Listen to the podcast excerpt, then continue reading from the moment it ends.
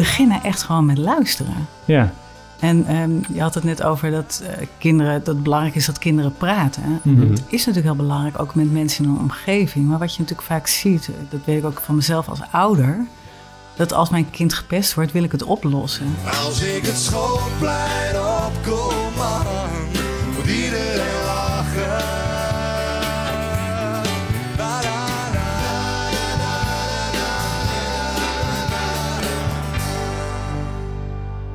Welkom bij de eerste aflevering van het tweede seizoen van het Pestlab. Het belooft weer een heel bijzonder seizoen te worden met een hoop mooie verhalen, waar ik in ieder geval weer een hoop van ga leren.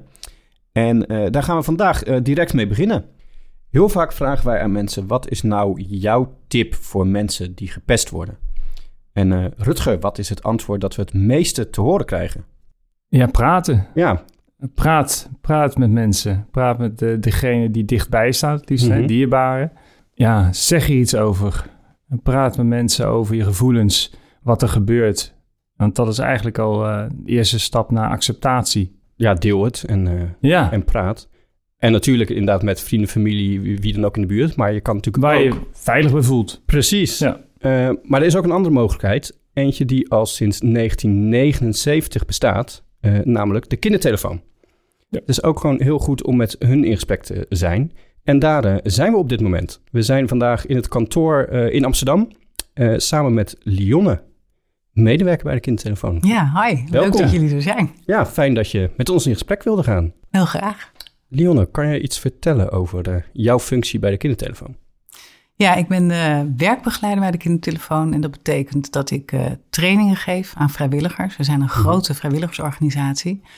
En ehm, samen met een aantal andere collega's leid ik mensen op in het voeren van gesprekken met kinderen en jongeren in de leeftijd van 8 tot 18 jaar. En naast het trainen zorgen we er ook voor dat mensen goed aan de lijn blijven, ook na de training. En dat de gesprekken kwaliteit hebben. Dus we doen ook coaching daarnaast.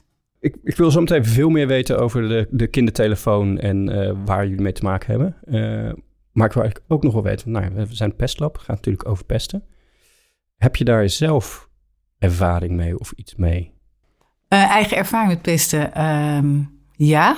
Eh, eh, als kind op de basisschool in groep 8 Mhm. hadden we een jongetje in de klas die gepest werd door andere kinderen en waar de leerkracht ook niet fijn op reageerde. Dus dat kind was eigenlijk twee keer de shors. Mhm. En ik kan me nog als kind herinneren van, dat dat niet fijn voelde. En dat het daardoor voor mij eigenlijk ook onveilig werd. Dat was heel spannend eigenlijk. En ook eh, onmachtig. Omdat je ook wel ziet als kind dat het niet klopt wat er gebeurt.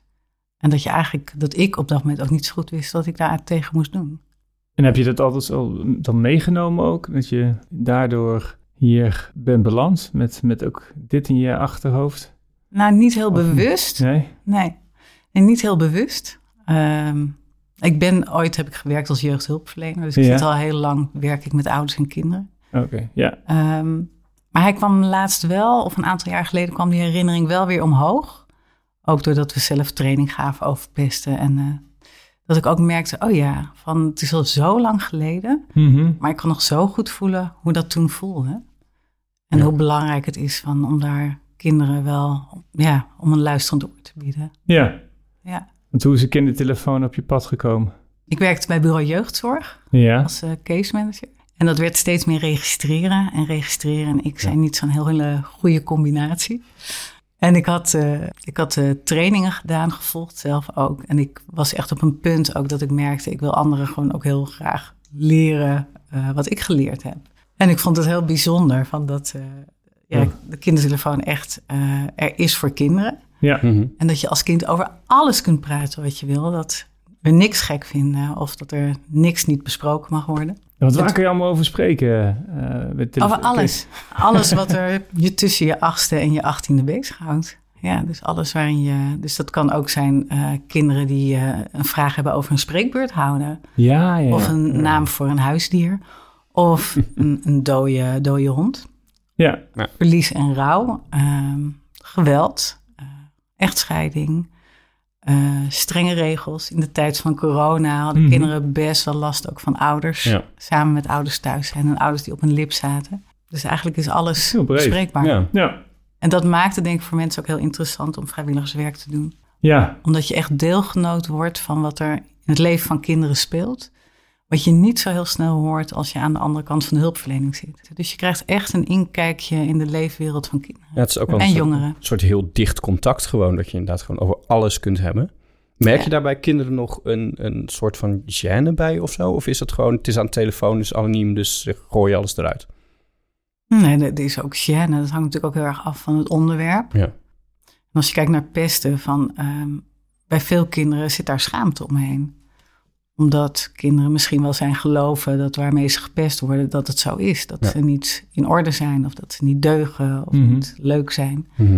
En om dan te gaan vertellen dat je gepest werd, wordt, is best wel Ja. een drempel. ja, ja. En ook over seksualiteit. En wat we denken is dat kinderen ook heel vaak eh, eerst aftasten.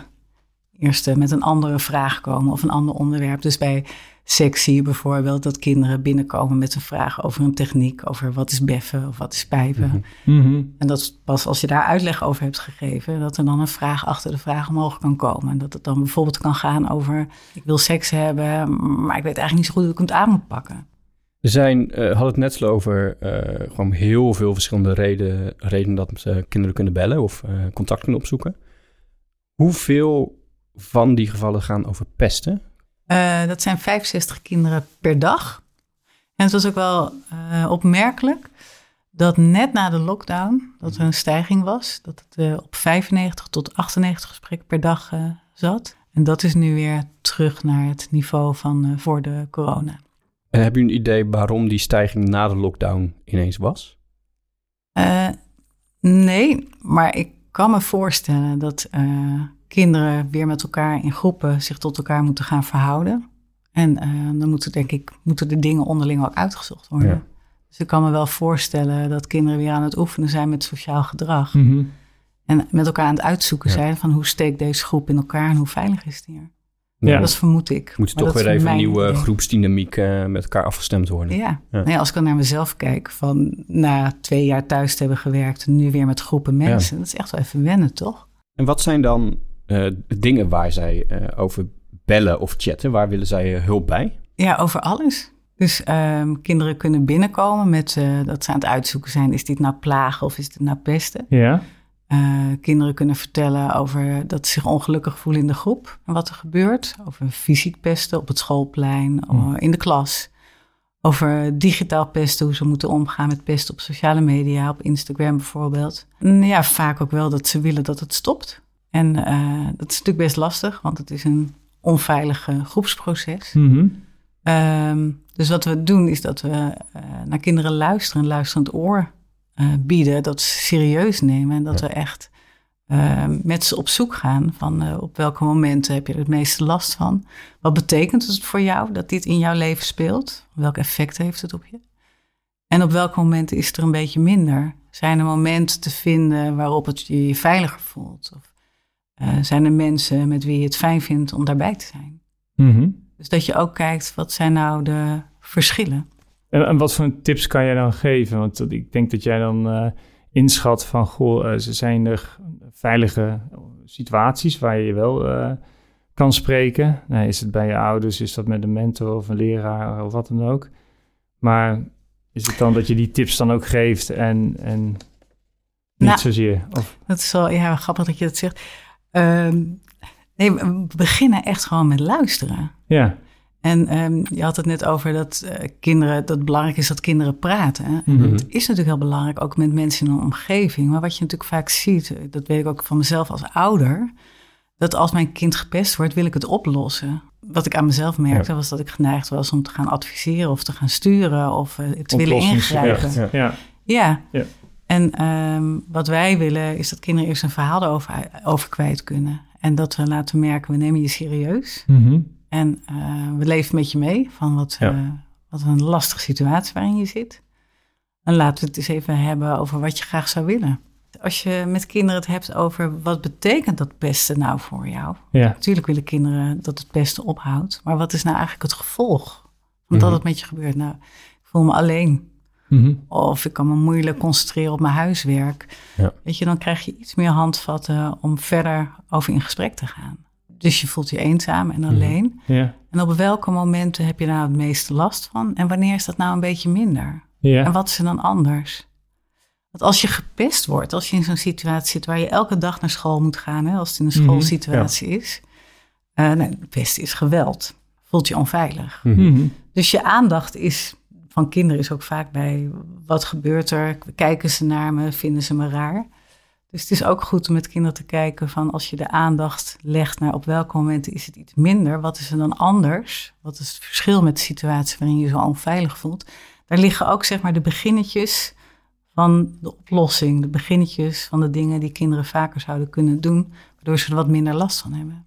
Want dat is denk ik ook het effect van wat we doen, is dat we uh, kinderen serieus nemen, dus dat is fijn. Mhm. Uh, maar dat we met kinderen ook zeg maar uh, het hebben over de hoop of de hoop versterken over dat dingen kunnen veranderen en hun zelfvertrouwen versterken. Mhm. Als je met ze gaat kijken van wat zijn de momenten waarop je daar wat minder last van hebt en wat doe je dan anders? Nou, dan speel ik in de buurt van de juf, zodat ik me veilig en beschermd voel. Dat is een Of ik heb oplossing. gitaarles. Ja, als ik viool speel heb ik er Ja. minder last van. Of, dus dan maak je ze ook bewust van er zijn ook momenten waarop het minder is. En Mhm. er zijn ook momenten waarop je bezig bent en met veel plezier bezig bent met de dingen eh, die je leuk vindt om te doen. En hoe gaat het dan verder, denk je? Want als ze dan inderdaad die veilige momenten dan voelen, dat die er ook zijn, dat is heel fijn.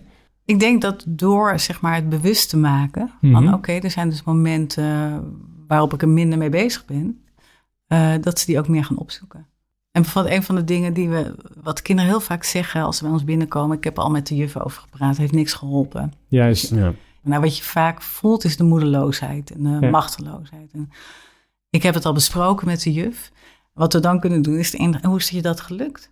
Hoe is het je gelukt om daar met de juf over te hebben? Nou, dat is wel... Vertel eh, eens. ja, ja. Want nou, dat is best een, een stap die is een hele hebt. moeilijke stap als je Ja. dat al hebt gedaan. Het is al eh, best knap. En, wa- en wat heb je toen tegen haar gezegd? Vertel eens. En hoe reageerde ze toen? Oké, en dat heeft dus nog niet zoveel geholpen. Wat, wat heeft het wel gedaan? Nou, dan vraag je ook een kind om iets beter te onderzoeken van... Mhm. is er nou een verschil? Nou, stel dat er geen verschil is. Dan ga je natuurlijk met een kind over hebben van... het is goed om nog een keer te doen. Wat vind je daarvan?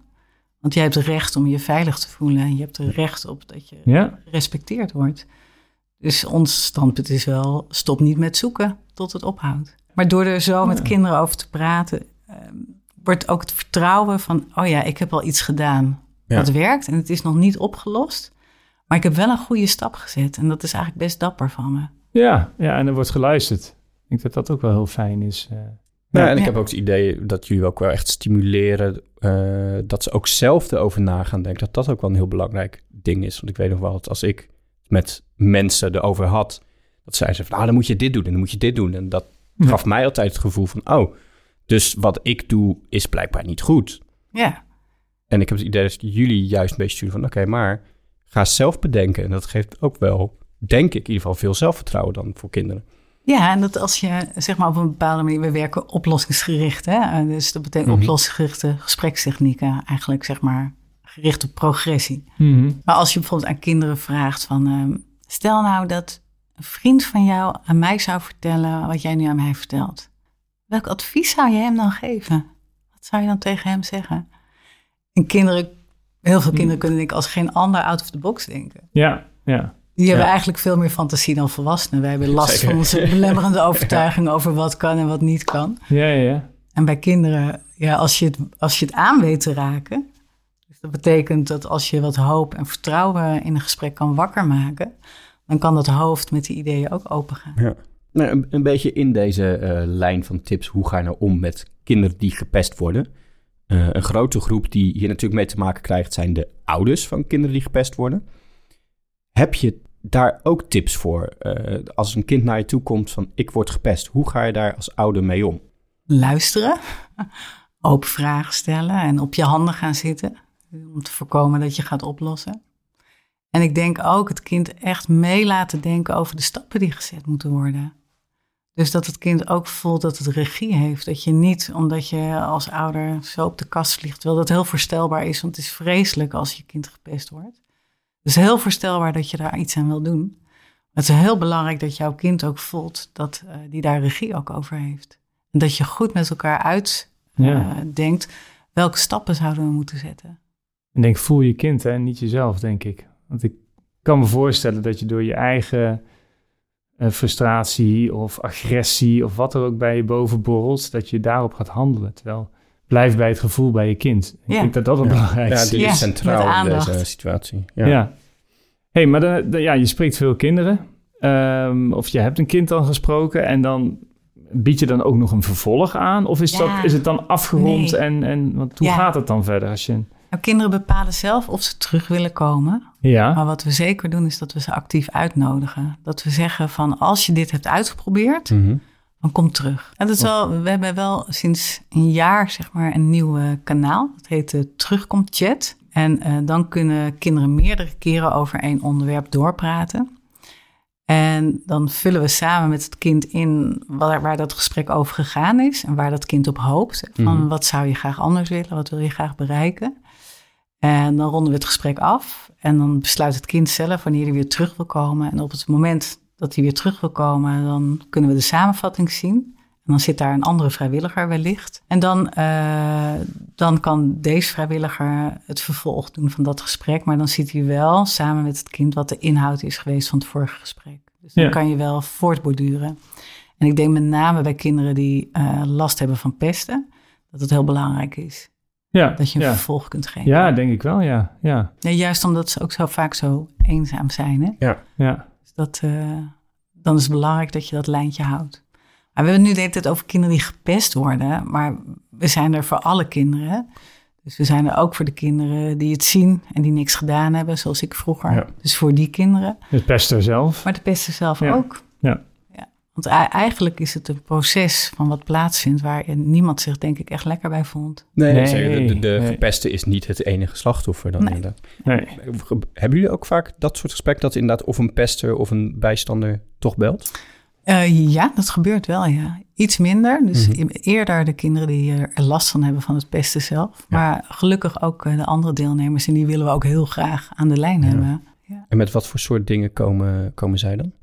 Nou, gevoelens van onmacht. Dus niet fijn voelen dat je iets gezien hebt en niet hebt gedaan, niet hebt Ja. gehandeld. Eh, of wat we ook wel meegemaakt hebben, kinderen die eh, gepest hebben en zich daar vervelend over voelen. En ook Hm. niet zo goed weten hoe ze daaruit moeten stappen. Eh, die ook zeg maar een soort gevangen zitten in het groepsproces. En hoe stop ik daar nou eigenlijk mee? Want wat denkt iedereen dan van me als ik ermee stop? Wat zeggen jullie dan? Want ik vind dit wel inderdaad een interessant. Ja, er zijn ook gewoon mensen die pesten en niet meer willen, maar eigenlijk soort door groepsdruk gewoon maar doorgaan. Nou ja, maar heel warm welkom, echt. En ook Ja. vette complimenten. Ja, knap. Ja. Super dat jij eh, zeg maar deze stap neemt om het hierover te hebben. Wat moedig. Want eh, dat, is, eh, dat vraagt wel wat van je Mhm. om met zoiets te stoppen als je de leider van de gang bent die Ja. de hele boel meeneemt. Om dan te denken, dit wil ik niet meer. Dus veel complimenten. En dan kijken, wat wil je bereiken? Wat zou Mhm. je graag anders willen? Eerst van, waar heb je nou eigenlijk het meeste last van? Waarom is het zo erg om eh, te pesten dan? Hoezo Ja. wil je stoppen? Voel je wel veilig? Ja, en dan, eh, eh, ja, wat wil je graag bereiken? En dan, net zoals met kinderen die gepest worden, te kijken naar op welke momenten heb je als eerder zo'n stap gezet dat je met iets gebroken hebt. Ja.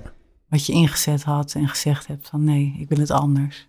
Dus we gaan altijd op zoek ook of er al eerdere ervaringen zitten Ja. van waar kracht en vertrouwen zit. Ja, wat ik dan heb meegemaakt is dat de pesters, van mijn pesters dan, dat die geen stabiliteitssituatie hadden. Dus stel dat die hadden gebeld, wat had je dan als tip gegeven of had je dat dan aangepakt? Want die thuissituatie, dat, dat, dat, bleef gewoon kloten voor die, Ja, ja. voor die drie jongens. Dus Heftig hè? ja, ja, ja. ja. Ehm, wat we altijd doen is, hoe heb jij er last van? Hoe beïnvloedt dat jou? Hoe, wat is het effect op jouw leven? Wat zou je graag anders willen? Nou, ik wil me veilig voelen. Nou, dat kan. Dus daar Mhm. kunnen we het over hebben. We kunnen je vertellen over welke hulpverlening er bestaat. Ja, dus veilig thuis, eh 113 als kinderen heel somber zijn. En dan kunnen we als kinderen dat echt zelf graag willen. Als ze zeggen, oké, dat wil ik. Dan kunnen we ze in contact brengen met een van die organisaties via de computer.